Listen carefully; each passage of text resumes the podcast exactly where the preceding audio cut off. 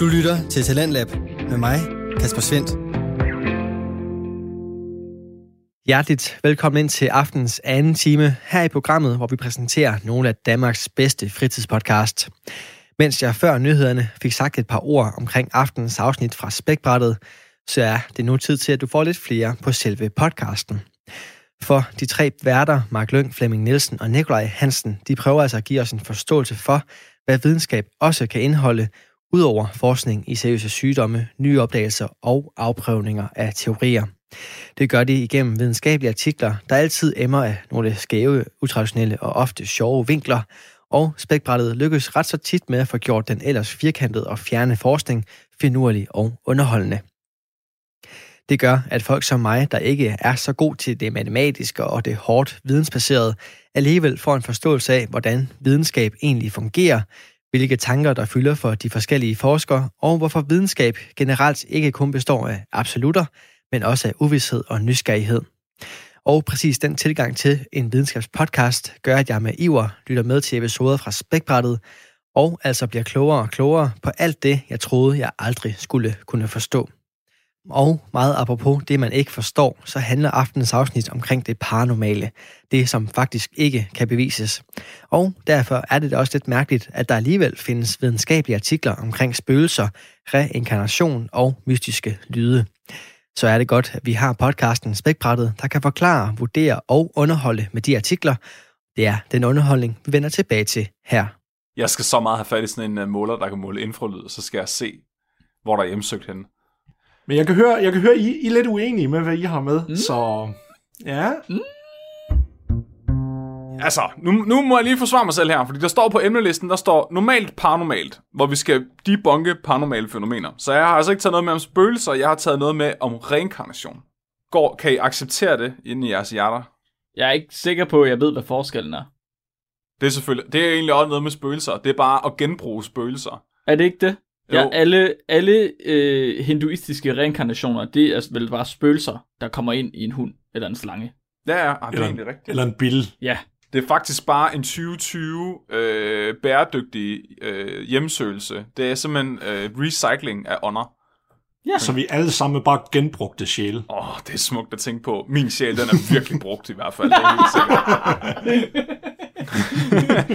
Har, jeg, jeg tror, Flemming, har, har du, været en, du har været en høn med en en gang i din tidligere liv? Åh, oh, det kan godt være. han er en høne nu. Eller, eller har du været sådan en dung beetle? Måske er høns bare det sidste, man bliver reinkarneret som. Det er bare det ypperste. Det er, når du bare... Nej, det er den laveste, det er den laveste livsform, hvis du har gjort et eller andet rigtig skidt i dit tidligere liv. Ej, det kan ikke være en høn. Det må være amerikaner. Oh. Ja, okay, true. Det skal ikke være nogen hemmelighed, at øh, jeg har selv, øh, som Nikolaj snakkede om sidst, så, så har han øh, måske krydset ind over øh, en periode i sit liv, hvor han har været interesseret i det paranormale. Og det, det har jeg også selv haft på grund af min søvnparalyse. Så har jeg jo oplevet nogle ting, der har gjort, at, at sådan, hvad fanden, er der spøgelser, der står og kigger på mig for enden af min seng lige nu, eller er det et eller andet andet? Og øh, jeg har, vi har lavet et afsnit på et tidspunkt, hvor jeg snakker om min søvnparalyse, og jeg har egentlig ikke rigtig haft det siden, med undtagelse af den anden dag, der fik jeg det igen. Er det rigtigt? Ja, og der, det er første gang, jeg har haft det med lyd. Nej! Jeg har aldrig haft det med lyd før, men den her gang, der var det kun med lyd, så jeg vågnede om natten, og så kunne jeg ikke bevæge mig. Og så kunne jeg bare høre nogen, der hamrede på et keyboard lige hen over hovedet på mig. What? og jeg tror, det er fordi, jeg er i gang med at lave speciale. Så er det mest uhyggelige, min hjerne kunne finde ud af at præsentere mig for, det var at sidde og skrive ved en computer. Åh, oh, du er totalt skadet. Ja, det var Åh, virkelig oh, sjovt. stakkels Flemming. Ja, øhm, men som vi også snakker om i det afsnit, så er det, så er det lidt creepy, fordi mit børneværelse, det var på vores, øh, basically døderummet. Så min familie på Tåsinge har haft det samme hus, øh, siden de første nandertalere svømmede over Sømbersund. Og øh, det her hus, der har mine øh, oldeforældre, tip-tip-oldeforældre og hele vejen tilbage boet. Og øh, en af de her rum i huset, det er altså det rum, hvor folk de lagde til at dø i gamle dage, øh, før man kom på sygehuset, når man var døende. Kræften, det er jo ligesom, det er ligesom hundevalpe. Eller okay, ikke hunde. At gamle hunde, der lægger sig ind under øh, verandaen, når de Ja. skal dø. Ja, lidt. Øh, så så når, når bedstemor var døende, så blev hun lagt op på dødeværelset. Og, og det værelse har min farmor fortalt mig meget om, dengang hun levede, fordi det var også sådan, det blev brugt til det, dengang hun boede der som barn også. Det gør det så ikke længere, desværre. Mm. Og som barn, der havde jeg jo det her søvnparalyse, så jeg ville vågne op om natten og kunne ikke bevæge mig, og så ville jeg se alle mulige skilser. Og øh, det fik mig også til at lægge to og to sammen og tro, at stedet var hjemsøgt. Og, øh, og det var en meget forfærdelig oplevelse som barn. Og måden, jeg ligesom kåbede med det på, det var simpelthen gennem videnskab. Så som barn, der blev jeg meget fascineret af, hvad man kunne bevise, og hvad man ikke kunne bevise. Fordi jeg fik tit at vide, at det ikke kunne bevises, der var spøgelser, så jeg, jeg brugte det ligesom sådan en form for trøst. Øh, mm-hmm. og, Mhm. og sådan rationalisere, at det ikke giver mening, det her. Og jeg, jeg prøvede faktisk at undersøge det også som barn. Sådan, jeg tror, det var i første klasse eller sådan noget. Så, så prøvede jeg sådan at lægge ting der, hvor jeg troede, der var spøgelser, og så sidde og se, om de kunne bevæge det og sådan noget, sådan for at teste det. Og så til sidst konkluderede jeg så, at det, at det kunne ikke lade sig gøre, at der var spøgelser. Men, men på den her rejse, der kom jeg altså i, gang- forbi noget, der hedder pseudovidenskab. Og dengang vidste jeg ikke, hvad pseudovidenskab var, så jeg røg lige i med begge ben. Åh, oh, you poor, poor bastard. Og, ja, og det er rigtig irriterende, fordi pseudovidenskab, det er noget, der udgiver sig for at være videnskab, og ligner videnskab, men som overhovedet ikke er det. Og det er, når, når nogen påstår, at de kan bevise et eller andet, øh, de ikke kan bevise. Som for eksempel, at jorden er flad.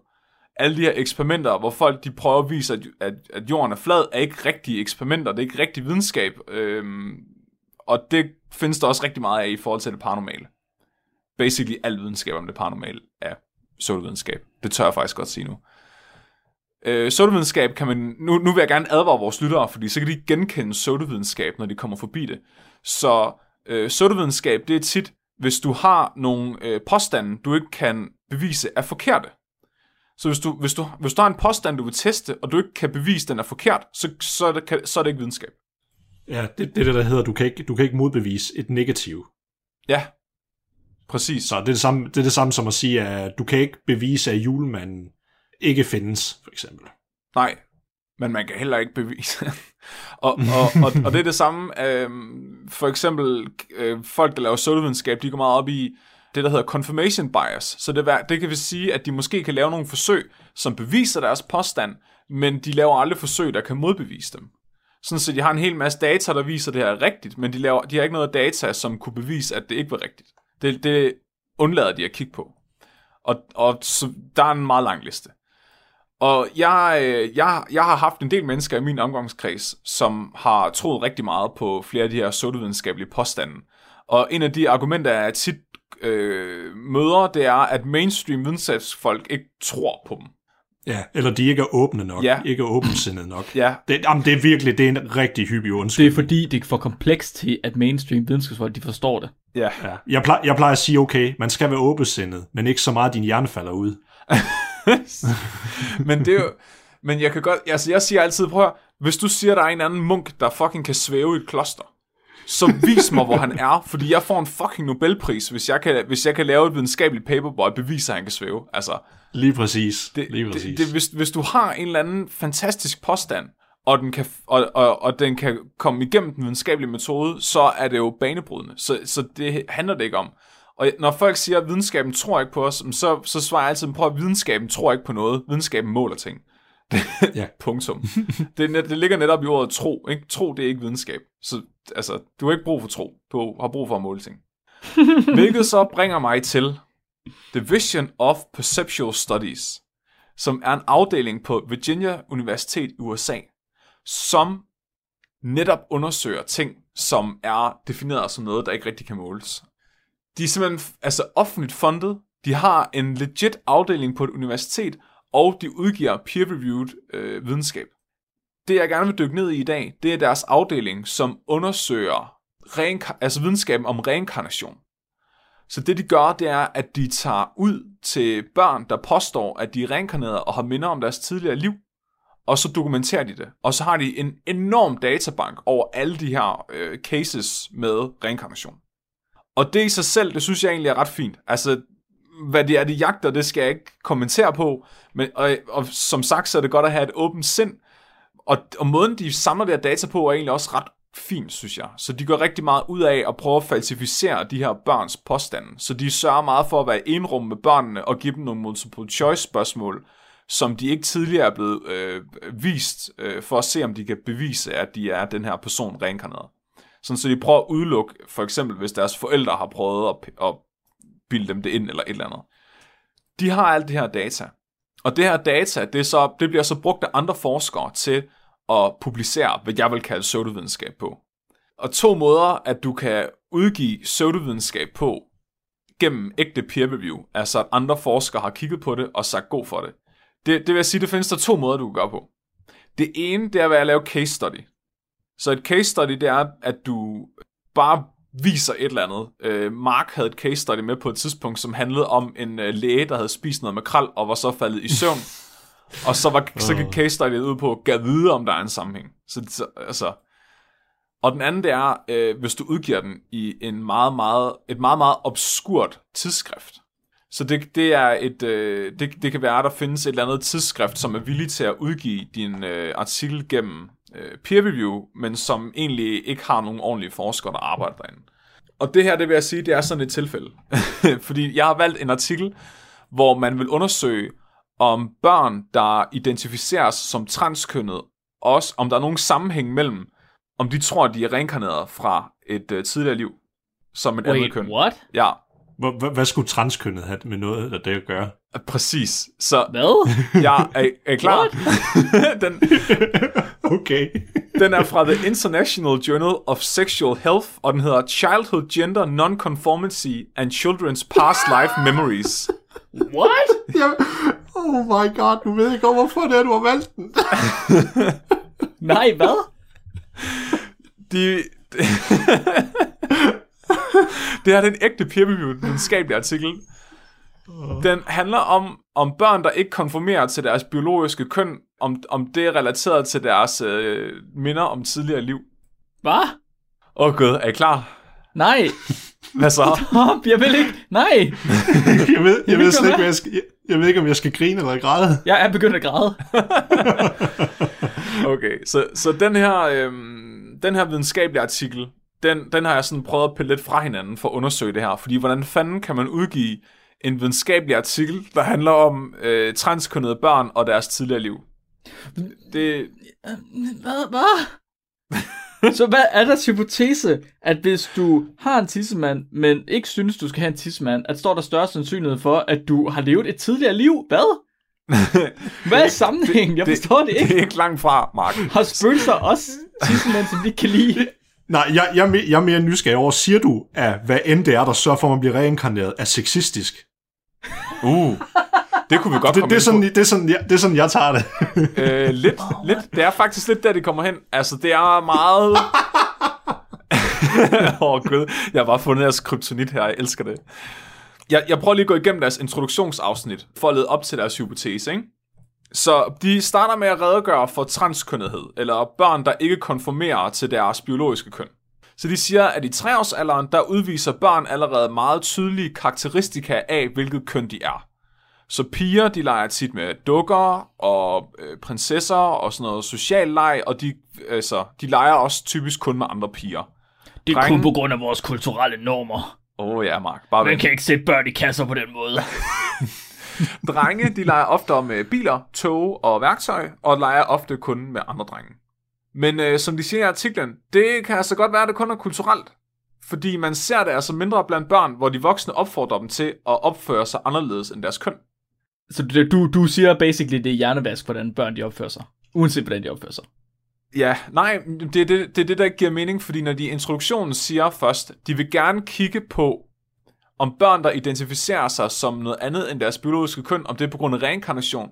Men så vælger de, og så redegør de op for, øh, hvordan man kan se på børn, hvilket køn de identificerer sig med, ikke? Men hvis du så siger, at det kan du ikke bruge til noget, så kan de jo heller ikke bruge den her teori til at opbygge deres hypotese.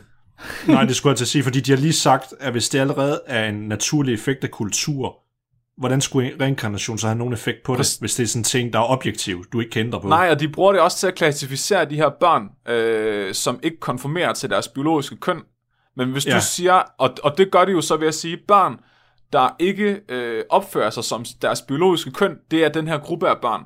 Altså non- non-konformerende børn.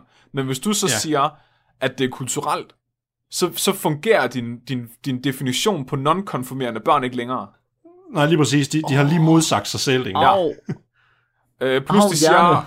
by the way, køn er et spektrum nu, men øh, det, det, og det tror bare, det står der for ikke at gøre nogen sure. Men selvom... Så længe, så længe det er et spektrum, man kan placere en pil på. Så længe ja. jeg stadig kan sige, hvor du er hen på det spektrum. Jamen, jeg ved ikke. Selvom det så er et køn, så fortsætter, eller køn er et spektrum, så fortsætter de så med at sige, at 3,2% af drenge, de viser ikke kønskonformerende adfærd, og 5,2% af piger udviser ikke kønskonformerende adfærd. Så det vil sige, det er drenge, der ikke leger med biler, og piger, der leger med ikke leger med dukker. Man har faktisk lavet whole genome sequencing på de her børn, og man har fundet ud af, at der er en genetisk sammenhæng mellem den her adfærd og børnene. Så der, Det passer ikke. det er rigtigt. Man kan se, at piger, der leger med drengelegetøj, er genetisk anderledes end piger, der ikke gør. Og det er stærkere hos piger end hos drenge. Men så siger de, der er sikkert også andre grunde til det her. Det, er noget, det kan ikke kun være genetisk det hele. Der må være noget andet. Oh, Spøjser. God. Og det er der, de kommer så. De vil gerne, ud, de vil gerne undersøge en hidtil ikke undersøgt faktor i det her. Nej. Mm. Det, er Reinkarnation. en pæn, det, er en pæn, det er en pæn måde at sige det på. Så de mener, de mener, at de piger, der ikke opfører sig som piger, de har højst sandsynligt været mænd i tidligere liv. Ja. Det, vil- det er det, de gerne vil undersøge med det her paper. Ej, det, det, lyder, det lyder som nogen, der er i benægtelse over en, over en ja, naturlig kendskærning. De har fucking fundet den genetiske faktor til, der kan, der kan forklare køn. Og så siger Ja. ja. de, det er ikke nok. Men nu hvis hun har været spoils engang. Ved, jeg, jeg synes bare, at det er, det er så vildt, at de sådan siger, først siger de, vi vil gerne undersøge det her fænomen med børn opfører sig som et andet køn, men så siger de også, børn har ikke køn, og øh, det er sikkert kulturelt. Men nu undersøger vi det alligevel. Jeg kommer også til at tænke på, at jeg legede mest med piger. Jeg legede næsten kun med piger, fra jeg var 4 til jeg var 7. Og jeg stoppede med at lege med piger, da jeg opdagede, at min veninde, hun spiste sin egen bussemænd. Måske, måske er jeg reinkarneret. Måske er jeg en reinkarneret kvinde. Måske. Min søster, Det giver faktisk god mening. Altså, jeg er ret... Altså, min søster, hun er den søn, min far aldrig fik. Hun, kan, hun kalder mig femse, fordi hun synes, jeg er så feminin. Jeg tror, jeg er en reinkarneret pige. Du lytter til Radio 4. Du lytter til programmet Talents Lab, hvor vi er i gang med aftens anden podcast episode, som er fra Spækbrættet, en videnskabspodcast med et glimt i øjet fra STU Studenter Radio Stål. Den består af de tre unge mænd, Nikolaj Hansen, Flemming Nielsen og Mark Lyng, der forsøger at forklare, vurdere og underholde med finurlige videnskabelige artikler, der i aftens afsnit handler om alt det, vi faktisk ikke kan bevise, nemlig forskning omkring det paranormale. Det afsnit vender vi tilbage til her. Nå, så øh, nu, nu er de redegjort for køn, så skal de også lige redegøre for reinkarnation. Så øh, de siger, at det ses ofte, at børn kan huske tidligere liv i detaljer. De siger også, at detaljerne også øh, er så gode, at de her børn, de faktisk kan, altså, de kan, folk kan identificere de personer, de øh, siger, de er reinkarneret fra. Fordi børnene er så gode til at give detaljer. Og så siger de også, at det er ret normalt, at børnene de har modermærker eller andre fysiske tegn, der passer på den her person. Det sjove er bare, at der er ikke en eneste kilde på det her i deres introduktion. Nej, jeg skulle altså sige, I call, I call bullshit right there. Det er sindssygt. Vis mig, vis mig det modermærke. Hva, altså, hver eneste gang, du laver en påstand, så skal du have en kilde på, hvor den påstand er blevet bevist.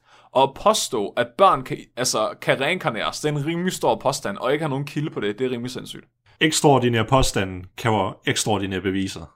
Men, men så var det så, at jeg, for, jeg kiggede lidt længere ned, og til sidst så ender de faktisk med at komme med en kilde på det her.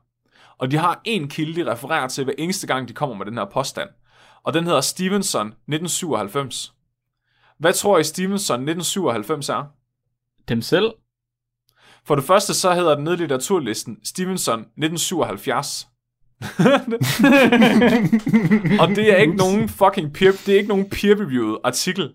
Den er fra Handbook of Parapsychology. Åh oh, ja! De bruger håndbogen i parapsykologi til at referere til deres introduktionsafsnit, hvor de siger, at reinkarnation findes. Har du fået fortalt, hvad parapsykologi er nu? Parapsykologi, det er psykologien blandt, altså, af det, der ikke kan bevises. Ja, det er, sådan, det er folk, der mener, at der findes mere mellem himmel og jord, og at vi kan mærke ting, som vi ikke kan måle, og derfor så er der noget ekstra psykologi. Det er basically alle spøgelsesjæger, siger de parapsykologer. Ja, Ja. det lyder klogt. Ja. Det, men det er sjovt, den her kilde, den findes ingen steder på nettet. Du kan ikke finde en eneste videnskabelig database, hvor den ligger. Det er så fucking typisk. Okay, nu kommer vi til selve studiet, gutter. Er I klar? Ja. Så ud af de her 2.236 nedfæstede cases af reinkarnation, der udvælger de 469. Fordi de her 469, der står der noget om, hvilket, øh, ikke bare hvilket køn barnet er, men også hvilket køn barnet identificerer sig som. Og det viser sig, at de her 469 tilfælde, der er 23 procent af de her børn, de er altså transkønnede. Det vil sige, de identificerer sig som det andet køn. Prøv nu at høre her. Det kan man ikke spørge et barn om. Hvis du spørger en treårig, er du en dreng eller en pige, så er det sgu da 50-50, hvad den treårige svarer. Det kommer an på, hvad de har fået på madpakke den dag. Det, det er sygt, fordi de siger faktisk, at den gennemsnitlige alder på de her børn for undersøgelserne, ikke? den er to Ja. og et halvt år. Ja, præcis. Prøv at hvis jeg går hen og spørger min to og et halvt årige gamle nevø, hvad for en, øh, hvad, altså, hvad køn han er. Hvis han har fået lever på steg, eller hvis han har fået hamburgryg til morgenmad, så er det forskelligt. Det har noget at sige. Jamen, så vil han have tyld på den ene dag, og så vil han have bukser på den anden dag. Men det, altså, det ved han da ikke, hvorfor køn han er. Mm. Eller identificerer Men, sig. Mark, men, men Mark, er der sådan en specifik effekt, så hver gang han får hamburg, så siger han dreng. Jamen, jeg, det, det, hvis der var det, tror du ikke det, så har vi fundet den psykologiske effekt på køn. Altså, yes. Jeg, jeg siger bare, at der er en Nobelpris lige der. der Ja, I, ja. skal, præcis. I skal fucking tjekke jeres gender bias, gutter. Nu skal jeg lade være med at være så cis-normative. Nej, prøv, jeg siger det modsatte, Flemming.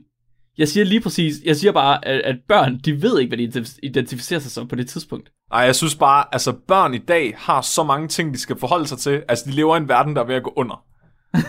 og så lige pludselig at sige til dem, ud at er deres køn piger. også er op for grabs. Jamen, øh, du må, altså, du må selv bestemme, om du er dreng eller pige. Det er altså en rigtig god måde at fuck børn op på.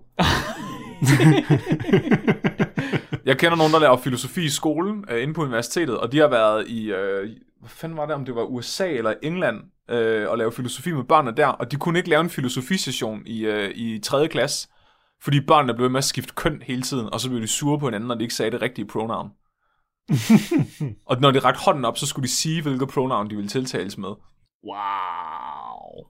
Nå, nu bliver jeg meget, nu bliver jeg meget konservativ. Nu skal jeg slappe af. Fordi de laver faktisk, Mark, er du klar? Mm-hmm. De laver key-tests på det her data, og de får, de får p-værdier. Hold da op. Uh. Ej, giv anden tæsk, håber jeg. Mm-hmm. Og Mark, Ja, det okay. Mark, Ja. der er en signifikant p-værdi. på sammenhængen mellem, om børn de identificerer sig som et andet køn, og om de er reinkarneret fra et andet køn. Mark. Nej. Okay, tror, Mark, jo, fint nok, fint nok. Stop, stop, stop, stop. Det kan godt være, at p-værdien er signifikant. Hvad er korrelationen så? Shhh, Mark. Det taler vi ikke om. Flemming. Prøv at Mark. Hvor, hvor, 80 hvor, procent af de børn, der siger, de er reinkarneret fra et andet køn, de identificerer sig også som det køn. Ja, hvor mange 80%. børn er det? To? det er 23 procent af 469, Mark. Jeg kan ikke bruge det. Du kaster bare procenter. 80 procent af det. Du kaster bare procenter over i hovedet på mig. Mark, det er quantum entanglement i... Øh, Det er fordi, du ikke er åbensindet nok til at kunne forstå det, Mark. Ja, klart. og, og det vildeste er, i deres diskussionsafsnit, der begynder de så at øh, tale om alle mulige faktorer, der kunne spille ind på børnenes svar af de her tests, og hvorfor det går lige meget. Det er, det, det er så... Mm, det er bare...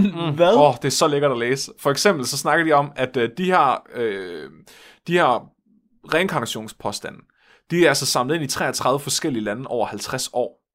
Og de kan se, at næsten alle de transkønnede børn, der er reinkarneret, de er altså fra Burma. Ved I, hvorfor de er fra Burma?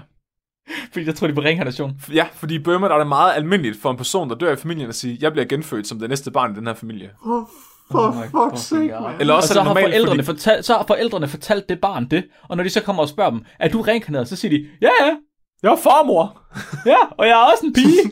Det er sjovt, fordi farmor kunne lide leverpostej, og det kan jeg også godt lide leverpostej. For fuck's sake, man. Ja, og de siger også, at øh, det kan jo være, at det er bare noget, børnene forestiller sig.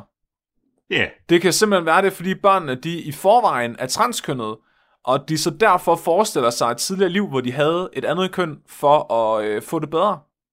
Men så siger de, at det kan absolut ikke være derfor. Nå, nej. Nå, Det kan Yes, yes, absolut ikke lade sig gøre det derfor. Hvorfor tror jeg, det ikke kan være derfor? Det er jo, det er jo beviser, Flemming. Har, har, der, der, de behøver ikke engang smide p-værdi på den der. Hvorfor tror I, hvorfor tror I i deres diskussionsafsnit, de siger, at børn absolut ikke bare kunne finde på det her? Fordi man skal he- høre sandhed fra børn og fulde Åh, mennesker. ja, eller det er næsten et bedre argument, end det de har. Er de ikke, er de ikke kreative nok til det? De, de skriver, at det er fordi 70% af reinkarnerede, de ofte er reinkarneret fra en person, der er lidt en voldsom død. Og det kan være traumatiserende for børnene. det, Og hvad så? Og det, det, det, hvorfor vil du have lyst til at blive ren? Hvorfor, hvorfor kunne, vil du have lyst til at finde på sådan noget, Mark? Ej, nu stopper. Prøv nu. Hold nu. Hold nu. De ved jo ikke, at det er sådan, folk de dør. Det, det kunne de da sagtens finde på alligevel. De ved ikke, at man dør Men voldsomt Mark, død. hvorfor mand. skulle børn have lyst til at finde på noget, der er voldsomt? Jamen, det, det ved de jo Jeg, ikke. jeg, skulle, jeg, jeg skulle til at sige, Flemming, dig som forældre, du må vide, at børn i serien, børn kan virkelig være ondskabsfulde også, og lyve af helvede til. Prøv at, da jeg var lille, og øh, Katja hun var lille, min søster, der legede vi en leg, der hed Lille Søster for hul i hovedet. hvor det galt om at slå, slå hende i hovedet, og så løbe rundt om huset. Altså, børn kan sagtens finde på noget, der er voldsomt. Nej, Er det, er, det den, er, det, er det den naturlige selektionsproces i Vestjylland? det var det. Da Vilje var lille, der lavede hun sådan en leg, hvor de havde en, der lavede de basically jackass, hvor de sad i en kælk, og så kælkede de ned ad en kæmpe stor bakke midt om sommeren, hvor den der kælk, den bare splintede rundt om dem. Der kan du se, børn er crazy. Altså det første, Vilje sagde, da vi kom hjem med Svend fra hospitalet og så ham, var, ved han godt, han skal dø en dag? Oh, shit, man. og så siger hun så lige bagefter, jeg har set det. Universet er et mørkt og ekspanderende hulrum. Dit liv betyder ingenting. Vi skal alle sammen bare dø. Ja. Det er jo, alting er ligegyldigt. Du er et stuekorn i det kosmiske univers. Det er kos- God mandag. ægte kosmisk horror. øhm, alt andet kritik, det bliver faret væk på grund af modersmærker. Fordi, som den der kilde, de refererer til, altså håndbogen i parapsykologi, så står der, at børn, de altså tit har modersmærker de samme steder, som øh, de personer, de er blevet reinkarneret som. Så det giver jo ikke mening, hvis det er noget, de finder på. Hvordan har de så fået modermærkerne? Dem kan man ikke finde Men på. har de fucking taget billeder af de modermærker? Altså, jeg, jeg siger det bare, Mark. Hvor er Altså, de jeg, henne? jeg, vil så sige, jeg vil til at sige, okay, de har sikret sig, men ikke kan teste deres påstand, som du sagde til at starte med, Flemming. Fordi hvis der nu er en af dem, der påstår, at jeg er re- reinkarnation af Napoleon, vi kan ligesom ikke skaffe et billede af Napoleons modermærke ned på den venstre røvballe, hvis det er det. Men du ved jo ikke, om man har haft den, Nikolaj. Jamen, det, det er sådan noget, jeg antager, at børnene har sagt. Ja, det er kæft, man, det er så langt ud. Mine antagelser er nok, er nok mindre sindssyge end deres. det, det, og det er peer-reviewet videnskab, det her. Jeg siger det bare, pseudovidenskab findes også øh, blandt rigtig videnskab. Og deres, Peer-reviewet deres konklusion, er I klar? Konklusionen, det er, at de siger, der er en meget stærk sammenhæng mellem øh, non-conformity i forhold til køn, og hvorvidt børn er blevet reinkarneret som et, som et andet køn. Den her, øh, ins, det her, det kan give indsigt, som måske kan lede til forståelse blandt børn, der er transkønnet, men som ikke påstår, de er reinkarnerede. Så du kan bruge den her viden til at forklare transkønnede børn, at det nok er, fordi de er reinkarnerede til det forkerte køn. Den her viden, den kan bruges i klinisk setting, hvor man kan bruge øh, minder fra tidligere liv til at lave terapi, terapi på de her transkønnede børn. Hvor, hvorfor har de brug for terapi? Og så er det lige til sidst, at de runder af med at sige, øh, det kan også godt være, at det bare er måske en uidentificeret hormonel eller neurokemisk faktor. Apropos, der kan også være rigtig videnskab bag. Ja, Wow, det, det får det til at lyde som om, de bare har trollet. Er det den april og jeg er så... Det, det, er så det er en af de mest sindssyge papers, jeg nogensinde har læst. What a twist. Og hvor mange sagde du, der fandtes af dem inde på den hjemmeside der? Altså, der er over 100, tror jeg. Der er så mange. Altså, der er også en af dem, der handler om en person, der har haft en E. coli-infektion, der gjorde, at han fik en nærdødsoplevelse. Men det, det, det leder mig til at tænke, altså, øh, som sagt, jeg er ret feminin. Jeg, øh, jeg kunne godt være reinkarneret som det forkerte køn. Og det leder mig tilbage til døderummet, som jeg voksede op i. Fordi i det her rum, der døde min tip tip Og jeg har altså billeder af, at hun blev hejst ud af vinduet i kisten. Og jeg har altså sovet lige der, hvor hun er død. Jeg tror måske, jeg er blevet reinkarneret. At jeg er en reinkarnation af min tip tip Og jeg sender lige et billede på Discord. Og så kan I vurdere, om I synes, jeg ligner hende. Altså, det er jo en til en lighed, det der. der er jo ingen forskel. Ja, og også, også med, med, med det bare hoved. Forresten, Flemming, en, en smuk øh, tip-tip oldemor, du har der. Tak. Og jeg vil bare lige sige, hun var kendt for to ting. Og hun var faktisk kendt for tre ting. Hun var, kendt for, hun var, hun var meget humoristisk, trods sit udseende. Hun ligner, onkel, hun ligner onkel Fester. Hun, hun var kendt for sin humor, og så var hun kendt for, at hun var meget, meget mærkelig. Så hver gang det tordnede, så fik hun folk til at gå ind i forskellige rum, så det kun var en af dem, der døde, hvis lynet stod ned. Hun påstod også, at hun aldrig nogensinde sov, så hun havde altid en skål sursødsuppe, hun brugte, og så sad hun og spiste den hele natten. øhm, men det, hun var aller, aller mest kendt for øh, i min familie, det var hendes kærlighed til høns. Og nu får I lige et okay. billede mere her. Fordi halvdelen af alle de billeder af fotografier, hun er med på, der står hun og fodrer sine høns. Okay, det er ret ubehageligt. Det, Det er ret uncanny. det, det største klenodie i familien Fleming, det er et maleri af min tip tip der står sammen med sine høns. Har du det billede, Flemming? Nej, min faster har arvet det. Fuck, mand, det skal du have. Ja. Er det thumbnailen? Må jeg godt bruge et billede af din tip tip mor, Flemming?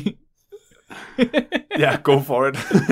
jeg siger bare, jeg konkluderede, jeg er, reinka- jeg er en reinkarnation af min tip tip Nej, jeg, jeg, vi kan konkludere, at du er, du er en del af familien Adams.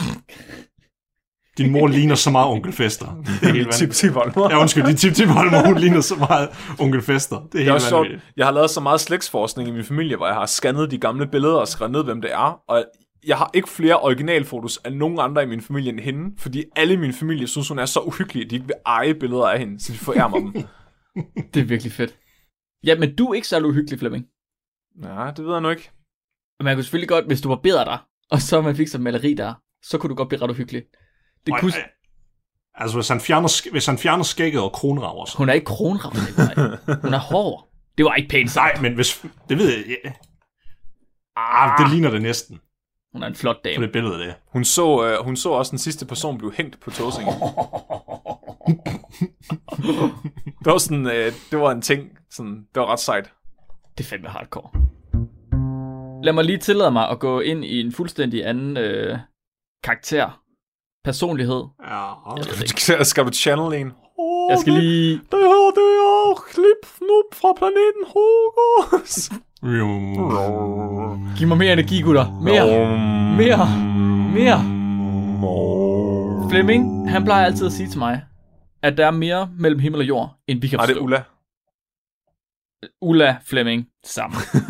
og jeg sætter jo altid hælene en lille smule i, når det jeg hører det. Fordi det er jeg sgu egentlig ret sikker på, at der ikke er. Og det kunne den sidste øh, tre kvarter måske også øh, altså, bære vidne over. Men så synes jeg jo egentlig bare, at det var pisse fedt, da Nikolaj han foreslog, at vi skulle finde beviser. Da jeg troede, det var det, jeg troede, Nikolaj han sagde, vi skulle.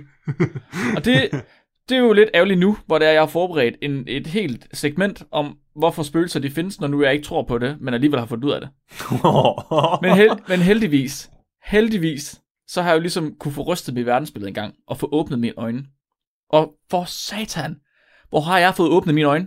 Kæft, jeg sidder næsten og græder lige nu.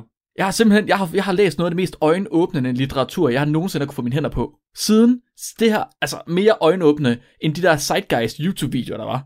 Tilbage i starten af nullerne, der viste, at 9-11 var et produkt af græsk mytologi og Illuminati. Kan I huske dem? Ja, De var fandme gode, mand. Og dengang, der, det, var, det var det vilde. Jeg var, jeg var solgt. Og kæft, jeg synes, det var fedt, mand. Men det her, prøv at gutter, spøgelser, de findes. Og der er beviser. Er I klar? Hashtag, Ja. hashtag boosted 9 Er I klar? var det dem, der fløj i flyene?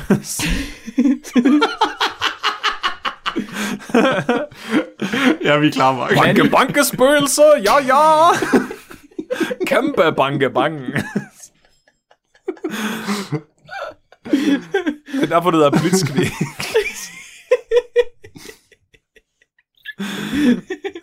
das ultimate Polstergeist. Undskyld, jeg skal nok lade være med at afbryde nu, Mark. Mani Kota Rajasekar Tumula fra Electronics and Communication Engineering på Guntur Andhra Pradesh i Indien. En prægtig mand. Han har forfattet det her prægt eksemplar af en titel, som, eller en artikel, som han har givet titlen. Existence of Ghosts and Paranormal Entities. Overview on Negative Energy. Det er en artikel, der er udgivet i det meget anerkendte, som I selvfølgelig kender, SSRG International Journal of Applied Physics. Nej. Jo, What? det kan jeg love jer for. Den er højt anerkendt, og alle kender til den her journal her. Det, hvis ikke I kender den, så er det fordi, så er I ikke rigtig videnskabsfolk. Der er Hvad er hvad er dens impact factor? 1,5. Og Manny, han ved, han ved, hvad han snakker om. Det kan jeg love jer for. Han, han har nemlig, han har udgivet, seks, med den her artikel har han udgivet seks artikler. Og de har artikler som Arduino Control Special Stair Climbing Wheelchair Bot. Og Power Management Techniques for a Solar-Powered Embedded Device. Og det min yndlings her. Time Travel! Creating a scientific way to travel through time. Og ved I, hvad det vildeste er? Han Nej. fik sin bachelor sidste år. Nej, nej, lad være. En vaskeægte geni har jeg fundet mig. Han er jo en bedre videnskabsmand end os. Det, Ja, det kan jeg shit, for. man. Han har fået mere peer-reviewed videnskab udgivet, end vi har alle sammen til sammen. Mest fordi vi til sammen har udgivet en artikel. Jeg tror, vi, jeg tror, vi sender til de forkerte journals. det kan jeg. Vi skal sende, sende til sådan International Journal of Applied Physics. Ja. AK, A.k.a. Predatory Journal. Kan vi ikke Ja. få udgivet nogle case studies med, med nogle af mine prutter eller sådan noget? Jeg tror ikke, det, kunne være, det skulle være så svært. Manny, han har simpelthen svaret på, om der findes spøgelser. Så Manny, han har produceret et detaljeret, flot skrevet værk, fyldt med kritiske beviser, data, vidneudsagn. Jeg, jeg lover, altså, Manny, han kommer til bunds i den her sag for os, det lover jeg for. Men vi skal lige have sat et par ting på plads, før der vi finder ud af, om spøgelser er ægte er. Du lytter til Talentlab med mig, Kasper Svendt. Og vi er i gang med aftens andet podcast-afsnit her i Talents Lab, programmet, der giver dig mulighed for at høre nogle af Danmarks bedste fritidspodcast. Det er alt sammen smagsprøver på podcast, som du så kan dykke videre ned i, og det er fordi, at alle podcasts, som vi præsenterer her i programmet, dem kan du finde yderligere afsnit fra inde på diverse platforme. Det gælder selvfølgelig også spækbrættet med Mark Lyng, Flemming Nielsen og Nikolaj Hansen, der i aftens afsnit underholder med magværdig forskning omkring det paranormale. Du får den sidste del af det afsnit her. Jeg havde skrevet det her ned i tanken om, at jeg måske blev den første, fordi I skulle nok forklare, hvad spøgelser er. Men det har ingen af jer gjort. Og det er rimelig, øh, det, det synes jeg skulle er lidt ærgerligt. Undskyld. Hvor er definition på spøgelser hen i det her afsnit? Hvad er det for noget? Nej, er der en definition på et spøgelse? Kritikere og skeptikere, de vil jo nok mene, at et af de største problemer med spøgelser, det er, at de ikke er defineret. Ja. Det er selvfølgelig noget bagl. Det er jo, Eller at det er ikke jo, det er jo det er mainstream videnskabeligt bagl. Fordi det er fordi, at spøgelser, de er for komplekse til, at sådan nogle mainstream forskere, de kan forstå dem. Mm. Manny, han def- Åh, oh, Mark, det er så mærkeligt at høre, at høre sådan noget komme ud af din mund. Jeg, jeg kan lige, Mark, Mark han kan ikke engang tage sig selv seriøst. Det er ligesom at høre sådan en deepfake-video med Barack Obama, der siger noget andet fuldstændig fucked up. Manny, han definerer et spøgelse som en optræden af en død person, omgivet af en sky af røg eller tåge. Men også som sjælen af personen, der var død før, som nu vandrer og fuldfører sine ønsker. Og hvis man lige kigger en ekstra gang på de her to definitioner, så kan man samle dem, og så kan man definere spøgelser som mystiske energier med et elektromagnetisk felt omkring dem. Prøv at lige igen. Hvad, hvad var definitionen på et spøgelse, Mark? Tre ting. Nej, det sidste, Myst- den sidste. Okay, ja, det sidste. Ja, ja, ja, nej, bare, ja, kom med det. Mystiske energier med et elektromagnetisk felt omkring dem. Hvad er mystiske energier? Det er mystiske energier med et elektromagnetisk felt omkring dem. Nikolaj, det her det er ikke tid til at være skeptisk.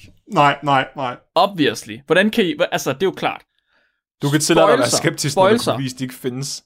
Gespenster, de er en del af den negative energi, der kan have mange effekter på mennesker. Energi, ifølge Mannis fysik, det er den kraft, der skal til for at gøre noget ved noget. Det er en rimelig god- solid definition. Det, måske, okay, det, er- det var lidt rådet sagt. Det er styrken og vitaliteten nødvendig for vedholden fysisk og mental aktivitet. Jeg kunne bedre lide den første definition. Og negativ energi, det er så et, energien, der reducerer din evne til at tænke, og er direkte proportionel med frygt og intolerance. Åh, oh, mine prutter er negativ energi. Det er negativ energi. Dine prutter er spøjelser. Spøjelser og gespenster. Så med et par definitioner på plads, så bliver det straks meget nemmere at finde ud af, om de her, de her gespenster de eksisterer. Vores første bevis, det kommer på baggrund af de mange velkendte spøgelsesjæger derude. Hvis der er spøgelsesjæger, så må der også være spøgelser. Det er rigtigt. Praise Jesus. det har jeg aldrig tænkt på det sådan, Mark. Det, det er perfekt logik. Der, der er ingen, der kan slå den logik. Det, hvad kunne de, hvad skal, så, ellers så ja, det er jo ingenting. Altså, det giver jo ingen mening. Ja, der, der er slet ikke nogen, der kunne finde på at tro på noget, der ikke eksisterer, så har spildt hele deres liv på Det noget. vil jo ikke give mening. Nej, for sådan er mennesker ikke, Mark. Nej. Nej. okay, okay, okay.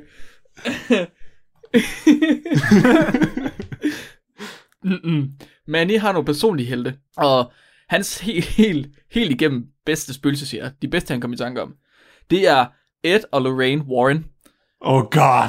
Oh god, som Nikolaj nej. kender, kan jeg høre.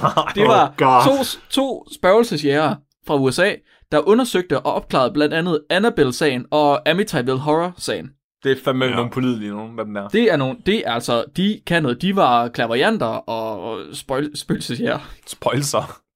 Ej, det var, det var ko- konen var klaverjant, og manden han var humpet bare med. Der kan man se. Og derudover, derudover de to, så er der også den yderst velkendte, som I selvfølgelig kender bare ved navn. Øh, Gaudaf Tiwari. En meget prominent person inden for spøgelsesjægerverdenen. Er det fordi, han er en spøgelse, eller? Ja, det, Ligesom fordi Blade. det kan faktisk godt være, fordi han døde nemlig en ret mærkværdig død, al- tidlig død, som 31-årig, tilbage i 2016. What? Så Så nu, er, nu er han faktisk et spøgelse spøgelsesjæger. Altså, allerede her har vi flere beviser på vores spøjelser. Det er jo den perfekte måde at, at fange spøgelser på, det er ved selv at være et spøgelse. Det er den perfekte måde. Gaurav, han var for eksempel med i det indiske MTV, hvor han optrådte i programmer som MTV Girls Night Out, som jo er et meget kendt spøgelsesprogram, og Haunted Weekends with Sunny Leone. Han, han er en af de få mennesker, der overlevede en overnatning i Bangharfortet, som vi selvfølgelig også alle sammen kender, og fuldstændig implicit, hvad det er. Men jeg kan mærke på jer, at I er ikke helt overbevist nu. I, I to, står ikke helt på spøgelser nu. Ah, Jeg, Måske, er, så, øh, jeg er så forvirret. Altså, jeg, jeg kan slet ikke forstå alle de ord, der kommer ud af din mund, Mark. Måske et par kendte sager, de kan vende jer. Mm. Hvad med historien om Annabelle-dukken? Har I set filmen? ja. den er falsk. Fuck den. Manny, han giver en perfekt beskrivelse af Annabelle, hvad der sker. Annabelle, det var en dukke, der blev givet til en sygeplejestuderende i 1968, men som opførte sig mærkeligt. En synsperson fortalte den studerende, at dukken var hjemsøgt. Det beviser lige der. Den er hjemsøgt. Der var en synsperson, der sagde det. Beviser på spøjelser. En morgen, der var den studerendes kat væk, og der var blod på dukken. Fuck. Og der var, han skriver, der var masser af tilfælde, hvor dukken den blev påvist at være hjemsøgt. Masser. Oh, Mange. Mark. Der er nogen, der mener, at de har set den bevæge sig. Så der er her- mange beviser. Er det, er det her, hvor jeg skal sige for at gøre den ikke så intimiderende dukken? Uh, hvis jeg har set posteren til filmen, det er ikke sådan en porcelænsduk, det er sådan en Rickety Ann-dukke, den rigtige mm-hmm. Annabelle. Ja, det er sådan en bamse vat. Ja, hun er, hun er slet ikke uhyggelig. Jeg synes, Manny han er god til lige at få beskrevet, hvad det er, der i virkeligheden er uhyggeligt ved den her øh, spøgelseshistorie, og hvordan at det virkelig er et spøgelse, der er inde i Annabelle. Fordi det er, der er masser af tilfælde, hvor dukken er blevet påvist at være hjemsøgt. Det er der. Masser af dem. Har nogen kilder på det? Nej, men der er, ma- der er masser af tilfælde, Flemming, hvor dukken den blev påvist at være hjemsøgt. Vi henviser Rigtig. til håndbogen i parapsykologi. Der er, rigtig, der er rigtig mange af de der tilfælde, hvor den er blevet påvist, at den er hjemsøgt. Men det var bare en historie. Hvad med en anden historie? Hvad med Amityville Horror? Nu hvor jeg lige nævnte den i tidligere tilfældigvis. Den blev der, der skrevet en bog om. Det må da også være et bevis. Der må være. Hvem- Hvorfor skriver man en bog, hvis ikke det er rigtigt? Det er rigtigt, Mark. Hvad? ja. Hvor, Der- Det er jo, det er jo ikke alle enhver, det er jo ikke alle enhver, der kan skrive en bog, jo. Nej, altså. præcis. Det er jo, det er jo, gør man jo kun, hvis det er noget ægte. Man skriver om. Ikke. Der er Åh. skrevet en bog. Det var en, det var en, en gut, Ronald DeFeo Jr. Han skød øh, sin familie tilbage i 74 på, der, i Amityville. Og så blev han anklaget for mor, eller beskyldt for, eller sigtet for mor. Det var et spøgelse! Ja, så var der en ny familie, der flyttede ind det samme år i december. Det var George og Kathy. De flyttede ind med deres tre børn og en hund, og så flyttede de ud 28 dage senere, fordi alle spøgelserne, de havde forskrækket dem så meget, som de havde. De var simpelthen blevet så bange, at de næsten havde tisset i bukserne, og så flyttede de ud. De havde oplevet rigtig mange spøgelseshistorier i det hus. Så kom de tilbage igen lidt senere, men der måtte de altså flytte ud endnu en gang, fordi spøgelserne de bare var alt for voldsomme. De var så voldsomme, at de så grønt slim komme op ad trapperne. Og til sidst, til sidst så skred de bare, fordi alle de her spøgelser, de var simpelthen alt for dumme. Det var, det var simpelthen, det var ikke sjovt at være i det hus længere. Og de lå alle deres ting være der. Og så ringede de efter en flyttemand, som kom dagen efter, flyttede alle tingene. Og så spurgte de ham, om han havde set spøgelser, og det havde han ikke. Og det er lidt mærkeligt. Og jeg tænker, det må være en outlier af vores data. Det her meget begrænsede datasæt, vi har. Ja. Det tror jeg. Så I kan nok se, at der er masser af beviser på, at spøgelser eksisterer. Masser af beviser. Der er fire På virkelig dårlige Hollywood-film. Masser af beviser på, at spøgelser eksisterer. Ja. Så nu ved vi, at de eksisterer. Men hvad gør de ved os? Hvad gør de ved os? Jamen, Manny han siger, at der er nogen, der har lavet et spørgeskema. Og i det spørgeskema, der har man fundet ud af, at den menneskelige hjerne, den reagerer forskelligt i forskellige steder med forskellige typer energier. For eksempel, hvis en person er der i et religiøs placering, så vil han være peaceful og aktiv. Jeg siger det mærkeligt, fordi at det... Jeg ved godt, at jeg sagde, at han skrev det godt, men jeg har lidt svært ved at læse ham faktisk. Det er fandme også smart, hvis man vil lyde klog. Han siger, hvis en person er i et religiøst sted, en kirke, går jeg ud fra, så er det rigtig rart, og så vil han være rigtig tilfreds. Det vil han være, fordi at en kirke er fyldt med positiv energi. Mm. Ja. Hvis den samme person bliver efterladt i et trist sted, så vil hans hjerneaktivitet forøges voldsomt på grund af en følelse, som man kender som frygt. Jeg ved ikke, om I kender den følelse. Og Han- den han følelse ræd. kan, den kan endda lede til hjerteanfald. Det, var, Simpelthen. det var det, vi snakker om sidst. Man kan dø af skræk. Ja, Ja, ja simpelthen. Det er rigtigt. Og, og det, det er det, man kalder negativ energi, siger han. Ja. Så de, og det, det er simpelthen det er problemer, man kan have med de her spøgelser her. De giver simpelthen så meget negativ energi, at man kan få hjerteanfald og dø. Du kan blive rej ihjel. Man kan blive rej ihjel. De døde, de kan også øh, besætte os. Han siger, findes besættelse? Der er kun et rigtigt svar, det er ja. Det findes sådan noget besættelse der. De kan besætte os specielt i hjernen, og det kan faktisk lede til selvmord. Jeg besatte Miley Cyrus. Og det er ubehageligt, for hun laver rigtig meget selvmord, Flemming. Det kan simpelthen ikke tage øjnene fra hende, når hun trykker. Det er kun den følelse, som højt videnskabelige videnskabsvidenskaber, de kalder for frygt, der kan gøre mennesker svage nok til at blive besat af spøgelser. Hvis du er bange, så bliver du besat af Miley Cyrus. Og det er derfor, man aldrig må gå ind i et hjemsøgt hus selv, eller tage alene til en Miley Cyrus-koncert. Men er der noget andet, man kan gøre? Hvad, hvad nu, hvis man bliver besat, Mark? Så skal Ja, du bare hvis- lade være med at være rar. Ikke, Hvis no, man ikke bliver rej. besat, så kan man selvfølgelig lave en eksorcisme. Ja, og det, kan, det er en måde, man kan fjerne sådan et spøgelse med sådan en eksorcisme, og det er videnskabeligt set at øge ens persons mentale styrke, altså den positive energi, for at hjælpe dem til at genvinde kontrol over deres krop. Men hvordan sådan en eksorcisme den udføres, det varierer lidt fra præst til præst. Men det er meget videnskabeligt, men det varierer lidt. Men, men som regel øh, indebærer det at blive penetreret med et krucifix eller andre ting af en katolsk præst. Ja, har du, du må godt lige, hvis du kan huske det, Flemming, må du også skrive en protokol. Jeg kunne godt tænke mig sådan en sub, så jeg ved, hvordan jeg skal gøre næste gang. Ja, Ja, godt. Det, det er Flemings egen anekdote, dengang da han var en alderdreng. Mm. Mm-hmm. Så han, han siger simpelthen, det er de her ting, der kan ske. Man kan simpelthen få dårlig energi lige ind i hjernen, og så kan der man også få spøgelser lige ind i hjernen, fordi spøgelser eksisterer, som vi har set vores mange beviser på. har du ikke lige sagt, høns ikke har nogen hjerne? Kan, hvad? Så hvis jeg nu laver en dragt ud af levende høns, så er jeg, så er jeg, så, så er jeg immun over for at blive besat af dæmoner. Det er sådan en antidæmon skjold. Du får det til at lyde som om, at de, at de var i hele taget interesseret i hønsene til at starte med, eller hvad? Det er det, jeg siger. Jeg skal bare lave en hjelm ud af levende høns. En helt dragt. Så kan jeg gå ind i alle de hjemsøgte huse og være den sygeste spøgelsesjæger. Ja, det kunne du faktisk måske godt. Det ville faktisk være en god idé. Han konkluderer ved at sige, at det, eksistensen af de her paranormale entiteter, det er en, en, en ting, som der har splittet ret mange mennesker indtil videre. Og det er nok mest fordi, at øh, nogle af de her forskere, de her mainstream forskere, de ikke mener, at det er ægte, det her. Fordi at de mener ikke, der er nok videnskabelig evidens. Hvilket jo er sindssygt, fordi Manny han er lige kommet med beviser Ja, det er Øhm. også. Jeg er overbevist. ikke også? Det er jo det, jeg tænker. Og han siger, at nogle mennesker, de vil sige, det er bare sådan noget som frekvens øh, og sådan noget, ligesom Nikolaj han sagde, du ved, sådan noget videnskabeligt noget. Og det, Ja. Men de giver bare ikke, de, det, er bare ikke, det viser bare ikke de ting, der sker på hjemsøgte steder. Nej, Åbenbart, Nikolaj.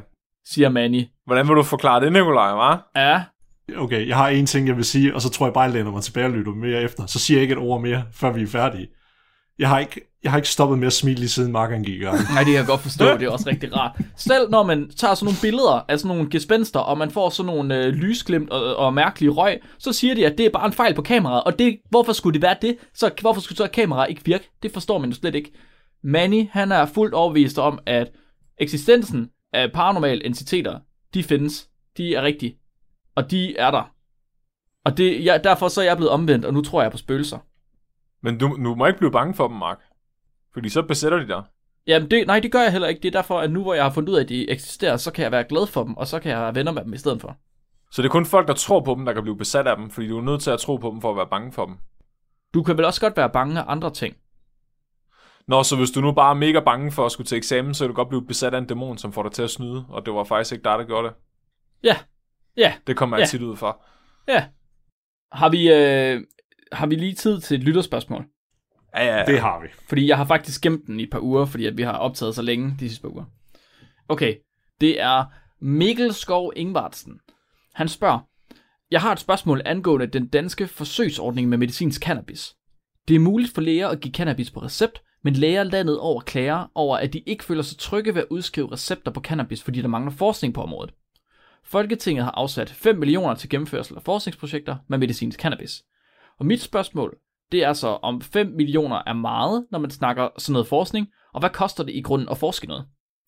Og det tror jeg måske, er det tredje gang, vi har et spørgsmål, som vi kan svare seriøst på, og som vi ved noget om? Det tror jeg, det er første gang. Er det første gang? Ja, Men du har haft det om høns også. øh, ja, er det 5 millioner meget, Flemming? Nej, det er det ikke. Nej. Øhm, så en phd studerende øh, er som regel sådan en, man kaster sådan noget efter. Det er nok det mest almindelige, er det ikke det? Eller medmindre du selvfølgelig får nogle af de private til at gøre det, så er det sikkert endnu dyrere. Nå, ja, så en PhD koster et sted mellem 2 og 3 millioner normalt. Ja, vi er i gang med at søge en PhD til mig, hvor jeg skal Ja. undersøge en bakteries sanser. En ja. lille smule, og det koster 2 millioner, og det er en billig PhD. Ja, præcis. Altså, Så i virkeligheden, så det du har penge til der, det er to almindelige PhD'er, og det er så altså to øh, forskningsstuderende i tre år. Og I skal lige tænke på, at det der, det er altså, øh, hvad er det, clinical trials? Altså, du, du skal gøre det i mennesker, så det, Mm. det er meget, meget dyrere. Mm-hmm. Så 5 millioner, det rækker vel til... Altså, de har vel til... De har nok til, til tre år, kunne jeg forestille mig. Ja. Og clinical trials, de kan nemt tage 5 til 10 år. Nemt. Så det bliver ikke noget ordentlig forskning i hvert fald. Så bliver det sådan nogle spørgeskemaer eller sådan noget. Uh, men det kan også være, de gør det. Bare giver en masse hash til folk, og så stiller dem spørgsmål. Sådan, Men altså, bliver du høj af hash? hvad, 420, baby! sådan en, en, en, hvad er det, en gennemsnitlig phd studerende Hvor mange videnskabelige artikler uh, udgiver de, hvor de er main author? Er det en eller sådan noget? Gennemsnitligt i Danmark, mm, ja, 1 til 2, tror jeg. Ja. Jeg tror, når man får udgivet mange som hovedforfatter, så får man udgivet 3 eller 4 Jamen, det er også usædvanligt. PhD. Ja, det er rimelig usvanligt. Og så det kan også være, at de ikke er så, så store så. Nej, og de artikler, der bliver udgivet, det, det er jo Altså, det er jo en meget, meget lille brik i et meget, meget stort puslespil, hver gang du udgiver en forskningsartikel. Ja. Så du, du vil nok kunne få to, måske tre meget små brikker i det der puslespil for 5 millioner, vil jeg sige. Ja. Yeah. Hash, det er også dyrt. Det er rigtigt. Det er virkelig dyrt. Altså, jeg, når jeg køber, jeg køber ikke. Men hvis jeg skulle købe, så synes jeg bare, det er dyrt. Er det kun 5 millioner? Ja. Har I hørt, de har afsat 43 millioner til at forske i, hvad fællessang gør ved os? Nej. Det er rigtigt 43 Nej. millioner. Er det rigtigt? Mhm. Hvorfor har de ikke brugt de penge på det her i stedet for? Prøv, det ikke. 5 millioner er lige præcis den mængde penge, du... Okay, undskyld, jeg sagde lige noget van- vanvittigt der. 5.000 kroner er den mængde penge, man burde bruge på at finde ud af, hvad fællessang gør ved os. Det er så det sindssygt. koster. Det, det er så sind- 43 millioner. Det er sådan, det, det tænker man, okay, i, i kølvandet af den her coronakrise, der vil vi gerne bruge nogle penge til at gøre verden bedre. Vi gør det, vi forsker i fællessang. Hvad med at bruge 43 millioner på at forske i coronavirus? Altså, det er så sindssygt. Hvem har sagt god for det? Det er staten, der har givet det jo. Jamen, det må være en inde ved staten, der sagt god for det. Jeg ved ikke, hvad fuck det går Der sidder en eller anden, der bare virkelig godt kan lide fællessang. Som sagde, De har "Ja, sikkert bare helvede." givet det til ham der hipsteren, der sidder ved det der klaver der. Nå, det kan være. Så, hvor, for en gang skyld seriøst, øh, svar til dit seriøse spørgsmål, Mikkel. Nej, 5 millioner er ikke særlig meget. Specielt ikke, når det er kliniske forsøg, man skal lave sådan det der. Tak fordi I lyttede med, kære lyttere. Har vi dagens dyrfakt, Mark? Vi er klar til dagens dyrefakt. Og dagens dyrefakt er sendt ind af Stine. Er I klar? Ja. Surinamfrøen føder sine unger ud af huller på dens ryg. Mm. Mit navn er Nikolaj. Mit navn er Flemming. Og mit navn er Mark. I har lyttet til Spækbrættet. Husk at være dumme. Radio 4 taler med Danmark. Om det nogensinde sådan bliver rigtig videnskabeligt at forske i spøgelser, er nok ikke så sandsynligt, men at du altid kan blive underholdt og udvide din forståelse af videnskab i afsnit fra Spækbrættet er en helt sikker sag. Her var det de tre værter, Nikolaj Hansen, Mark Lyng og Flemming Nielsen, der underholdte med videnskab omkring det paranormale. Og inden jeg kunne præsentere det afsnit, så kunne du i første time også høre en episode fra kandidaten og lærlingen med Jonas Henriksen og Gunvar Jensen, der undersøgte de gode kommunale løsninger på problemstillingen ordblindhed.